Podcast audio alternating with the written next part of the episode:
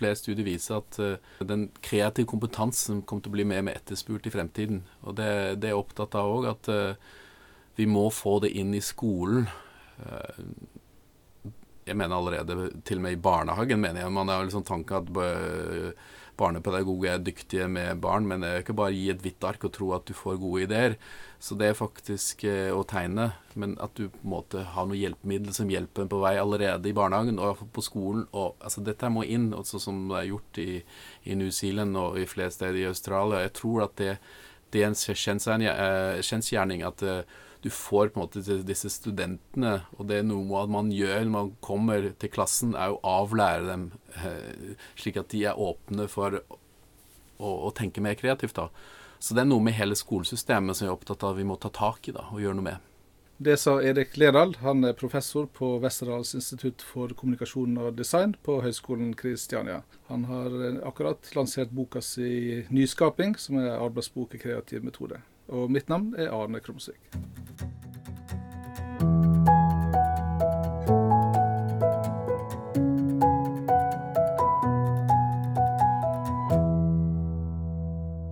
Jeg eh, er opprinnelig utdannet fysiker eh, og har en naturvitenskap i bunn. Og samtidig så har jeg alltid vært opptatt av eh, musikk og, og den kunstneriske siden. Jeg opplevde da jeg gikk på NTNU den gangen, eller som het NTH, at det var veldig mye reproduksjon. Med en gang jeg stilte spørsmål i time, f.eks. jeg hadde time i kvantimekanikk, det var ganske spennende hvis du begynner å undre deg på hva det betyr egentlig i praksis, disse tingene. Så var det sånn Vi skal ikke spekulere her, nå skal vi bare regne på det. Og Det ble veldig drepende for meg. da. Og, og så har jeg alltid hatt sånn nysgjerrighet for kreativitet, fordi det er jo et eller annet med Det er noe du ikke vet svaret på. Det er essensen litt av å være menneske. Altså, det er jo uh, Dette her uh, Hva heter han det er en filosof som har sagt liksom, du er aldri mer menneske enn når du leker, og for så vidt er kreativ. Og det å bruke menneskets potensial, utnytte menneskets potensial Kreativitet er jo godt for personlig utvikling, for trivsel, Eh, det, det, er jo behov for det, ikke minst i vår tid med alle de utfordringene vi står overfor. Så jeg syns jo det, det er tema som engasjerer meg, og det er på en måte kjernen i stor grad for all endring og nyskapning, innovasjon, ligger jo kreativitet i bunnen. da. Men du skifta retning, og så tok du rett og slett doktorgraden din i kreativitet? Ja. ja, da hadde jeg på en måte en master i fysikk, og så hadde jeg studert musikk på, på universitetet. Og så, fikk, så ble jeg opptatt av at det her med kreativitet. Det var noen personer i mitt liv som sa vet du hva, du er en person som kunne gått inn i dette området. Eh, det er ingen som hadde gjort det på det, det tidspunktet. Så var det litt sånn et eh, felt med lite fokus på. Nå i dag er det totalt annerledes. Um, og så fikk jeg mulighet, kom i kontakt med en god professor i Trondheim, Sigurd Støren, som hadde veldig stor tro på meg. Og selv om jeg i utgangspunktet ikke var kvalifisert for en doktorgrad knyttet til design, så ville han gjerne ha meg inn, og jeg fikk et uh, stipend fra Forskningsrådet på det i fire år. Og jeg fikk lov å gå i dybden på det. Og jeg syns jo alt har jo egentlig hatt en fascinasjon for arkitektur. Jeg kunne tenkt meg å ha vært studert arkitektur. Så da fikk jeg mulighet til å gå inn på designområdet òg, og bruke kreativitet der. Eller utforske kreativiteten, og spesielt i team. Hvordan jobber man for å få frem gode konsepter i et team, da. Hvordan er det du går fram i praksis når du skal forske på kreativitet? Mm. Altså, jeg har i stor grad uh, brukt mye um, studentene uh, som utprøvingsarena for ulike metoder. Og for så vidt næringsliv, hvor jeg på en måte i stor grad prøver ut uh, en metode, får tilbakemelding på den, tester igjen. Uh, og gjerne òg kan spørre folk en stund etterpå. Jeg, jeg, ser i forhold til den der um, approval-aspektet ved forskning, at hvis folk bruker det etterpå, så har det på en måte en virkning. Så, så, så det å sette at når metodene brukes senere, i lang tid etterpå, så har det på en måte en, en verdi. Også det å spørre hvorfor bruker de dem. Eh, det er litt eh, Jeg har jo ikke gått inn på eh, kreativitetsmåling og en del som gjør det. Det har ikke jeg gjort. Jeg har vært veldig fokus på metoder, metodikk. Hvordan, hva slags verktøy kan vi bruke for å frigjøre vår kreativitet og utvikle gode konsepter. da. Så det også har jeg òg i min doktorgrad og sånt, og det senere så har jeg òg gjort mye kvalitative studier mer hvor jeg har intervjuet eh, ulike aktører og fått tilbakemelding på dem. Hvordan jobber de? I tillegg til å bruke litt sånn action research i selve på en måte I klassesettingen, da. Og sett på hvordan folk jobber, og dokumentert det, da. Nå har du laga rett og slett ei kokebok. Ja. Det er en kokebok, og det er på en måte litt Det er på en måte nesten litt sånn paradoks at man kan lage en kokebok på kreativitet. Det er ikke dermed sagt hvis du bruker boken, så blir du automatisk kreativ. For det er jo en kompetanse du må på en måte trene opp og jobbe med deg sjøl. Men jeg tror at folk trenger noen knagger. Og det går, slipper å famle så fort du kommer frem til en, en, en metode, metode, og en metodikk for å komme frem til gode ideer. Eh, så eh, kan man utforske disse metodene, gjøre på andre måter, og, og etter hvert så tror jeg liksom det går fra den mer jeg kaller denne kunnskapen som er artikulert, til den blir mer implisitt og taus, så, så ligger det i måte etter hvert så vet jo folk OK, nå sitter jeg fast, jeg må ta et annet perspektiv, og det gjør du kanskje bare intuitivt etter hvert, men du må jeg mener du må trent opp i metodene først, før det blir mer en, sånn, en del av din liksom, væren når du jobber med ideer. da. Du introdusere en sånn trestegsmodell. Mm. Ta, ta oss gjennom den. Ja, Det første er jo en, jeg kaller en kartleggingsfase. Og, og der handler det om å finne hvor, hvor er det muligheter. Eh, det handler om å finne innsikt. Altså hvis, hvis det viser forskningsmessig at hvis du har en dårlig kartlegging, og du tar utgangspunkt i behov du bare tror er, så har du mye større, mindre, mindre sjanse for å lykkes. da. Så det å finne eh, de reelle behovene, altså i en, eh, i en forretningsverden, de behovene folk, folk, er villige til å betale for, men at du klarer på en måte å finne eh, Og da må du ha en rekke forskjellige metoder på det. Men jeg er opptatt av selv om vi jobber med kartlegging, så jobber vi kreativt der. Og jeg tror mange ganger så må noen ganger jobbe med ideer for å forstå hva er problemstillingen. Det er akkurat I en tidlig fase så er ideer mer en, en hjelpemiddel til å forstå hva, hva er det vi egentlig vil, vil ut etter.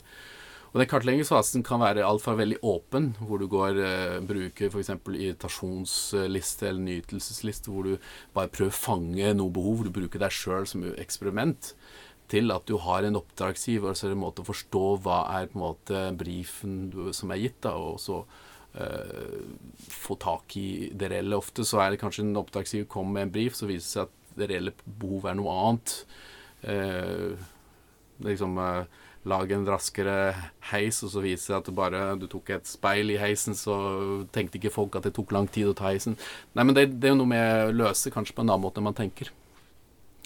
Så det er liksom kartleggingsfasen. Øh, og da har du både litt mer sånne metoder du kan bruke sjøl, hvor du Alt fra tradisjonell SWAT Eh, konkurrentkartlegging og den type metode, til mer metode hvor du går og, og interagerer med brukerne. Uh, enten det er intervju eller feltstudie eller forbrukerundersøkelser, eller som jeg nevnte, hvor du sjøl er bruker, som selvutforskning, hvor du du gjør ting som du ellers ikke pleier å gjøre, og dermed så får du tilbakemelding. Du provoserer eh, butikkansatte, eller du kryper istedenfor å gå. Du, du, snur opp ned på den måten du pleier å, å, gjøre ting på.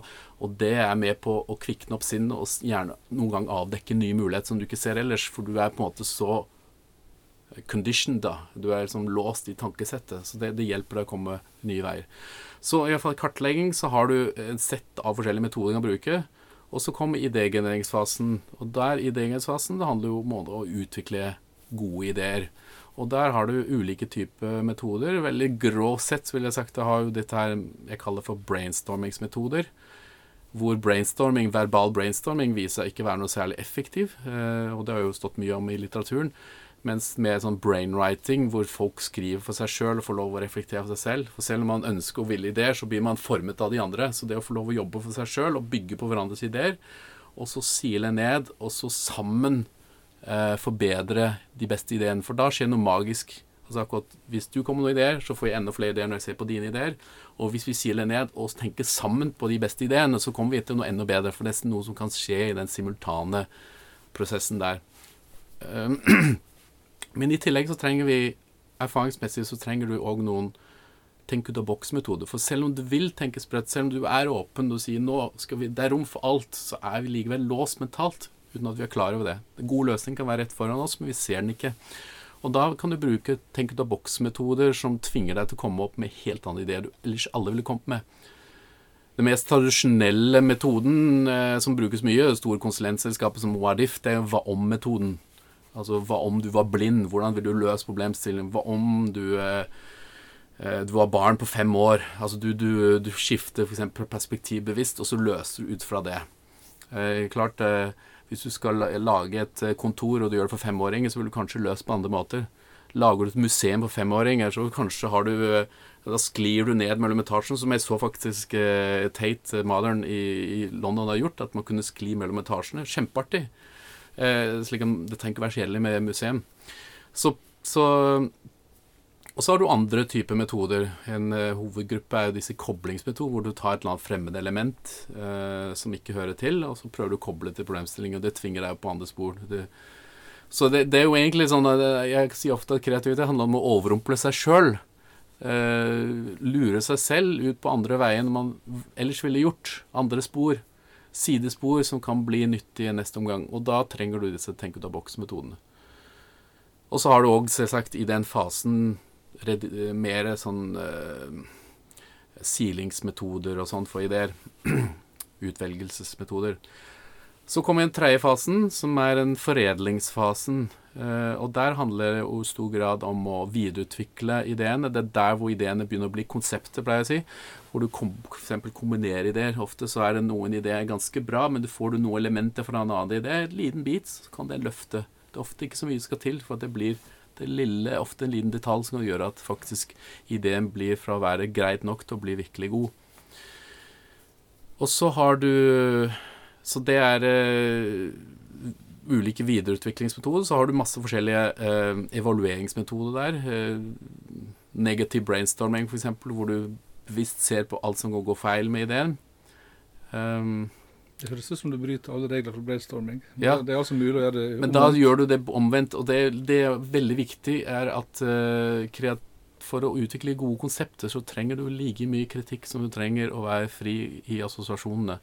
Og det er ofte misoppfattet i forhold til en sånn kreativ prosess. At du som, det er liksom den der Jeg har veldig sans for ja og og der, men det, det, kan fort bli bare en positiv tenkning, og den leder til helvete, kan lede til helvete hvis ikke du samtidig bevisst går Nå må vi Noen sa buske, man må krangle litt og virkelig gå og tørre å være kritisk. Og hvis du iscenesetter det med at det er spillereglene for det, så er de fleste syns det er ok å skifte perspektivet til et tidspunkt. Og så er det noe med at I en utviklingsgruppe så er det noen som kanskje har mer tilbøyelighet til å være assosiative og syns det er veldig gøy. Komme med ideer. Og så er det noen som er tilbøyelig til å være kritiske. Så det å vite at OK, nå er vi assosiative, det er det man gjør. Og så jobber vi kritisk. Det er vanskelig å være det fullt begge samtidig. Dyktige, kreative personer kan skifte ganske fort mellom å være assosiativ og kritisk, men det er uh, mange som uh, Ja, de fleste sliter litt, så derfor trenger du på en måte å styre den prosessen. Så, så, og så har du i den uh, foredlingsfasen, den tredje fasen, så har du òg eh, mer innsalgmetoder. Eh, altså for pitching av ideer til å konseptskrive konseptene. måte lage gjennomføringsplan. Alle disse der som måte Hvordan får vi dette ut i praksis? Hvordan når vi ut til interessentene osv. Som er òg en, en, undervurdert del ofte av Eh, den kreative prosessen. Man tenker ok, når det er gode ideer, så selger ideen seg sjøl. Det gjør det ikke ofte, så du må ha en, strategi på det òg. Det er det noe som du strengt bør gjøre sånn steg for steg, disse tre fasene, eller? Eh? Du kan skifte litt frem og tilbake. Nå er det sånn at uh, jeg tror at det er på en måte Jeg har bygget den metodikken på den CPS Creative Problem Solving, blant annet, og på design think, uh, thinking. Uh, jeg har sett at de, tre fasene fungerer som et overordnet rammeverk for den kreative prosessen. Um, men jeg tenker en periode så jobber du med ideer, så må du kanskje gå tilbake og kartlegge mer. Og gjør, bruke mer kartleggingsmetoder. Og, og mange kartleggingsmetoder, som en, en som du tar f.eks. du tar kartlegging av sekvensen. Hvordan er det brukeren møter løsningen eller tjenesten. Se for steg for steg. Dette kan du gjøre på eksisterende løsning i en kartleggingsfase, og du kan gjøre det igjen i en foredlingsfase hvor du søker å forbedre de ideene du har utviklet. Du ser, og dermed så må du dekomponere konseptet i steg, og dermed får du ofte forbedre konseptet. Så, så det er òg disse metodene som er satt inn i visse faser, de kan gå på kryss og tvers, og det snakker jeg mye om i boken. Ofte så tenker vi at kreativitet er noe som et talent som enkelte personer har. Mm. Du ser litt annerledes på det? Eh, ja, altså vi har alle en kreativ muskel, og det viser forskning òg. Noen har selvsagt en større øh, tilbøyelighet til å være kreative, men alle kan trene opp. Også som det ble poengtert i, i dag, og at øh, vi gjelder òg noen er mer kreative på visse felt enn andre felt. Uh, men det er jo helt klart at jobber du med den muskelen, trener, jobber målrettet med det, så blir du dyktigere å jobbe med ideer. Altså Det er akkurat som du utvikler hjernen og kobling. og Hjernen er ikke et statisk eh, Den kan faktisk videreutvikles. Det viser forskning òg. At måte, hjernen er på en måte fleksibel, og, og, og, du kan gjøre mer kobling på kryss og tvers i hjernen. Det er klart, eh, det krever Det går ikke av seg selv. Og det er ikke sånn at ok, tar vi en bo... Det er jo kunne jeg sagt i dag, men, men du kan på en måte ikke ta en metode Uh, og tro at bare ved å bruke en metode, så får du gode ideer. For det er jo klart at noen vil få utrolig mye mer av en metode. Og de dyktige studentene de anvender metoden på en elegant, nydelig måte, får fantastisk gode ideer. Mens de som er svake, de gjør stegene, men det betyr ikke at den gode ideen kommer ut til syvende og sist. Så, så, det er jo Og det, og det kan du ikke Det er vanskelig å lære det. Du kan vise metodene, men den der, den der kreative kompetansen til å utvikle det òg. En måte en evne til å assosiere, til å Den intuisjonen hvor du fornemmer her er riktig vei å gå. Jeg må bruke den metoden på den måten. Hvis jeg skal bruke hva om, hvilket scenario, hva om scenario vil faktisk kunne lede til gode ideer. Og der ser jeg stor forskjell. Dyktige studenter de klarer å plukke ut hva om scenarioer som har relevans i forhold til problemstillinger, som gjør at de kommer med ideer som gir noe til syvende og sist. Mens eh, andre de liksom Å ja, hva om? Så setter de opp litt sånn sprø hva om-scenarioer som blir altfor avkoblet fra problemstilling, og det blir bare en, en lek uten noe resultat. Når du underviser dette, hvordan uh, går du fram da? Hva slags undervisningsmetode bruker du for å uh, hjelpe studentene å bli bedre på kreativitet?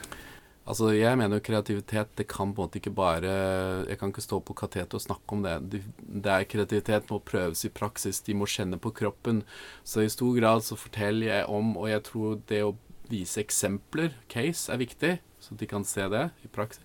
Så tror jeg studenten må prøve ut metoden, og så må vi reflektere rundt metodebruken. Det er ekstremt viktig, en refleksjon av, av metodene. Ja, hva kan du gjøre annerledes? Hvordan kan du bruke den på en annen måte? Og det spør jeg òg i forhold til eksamen, at de skal reflektere over metoden. Hvorfor valgte de den metoden? Hva ga den? Hvordan kunne den ha gitt noe mer?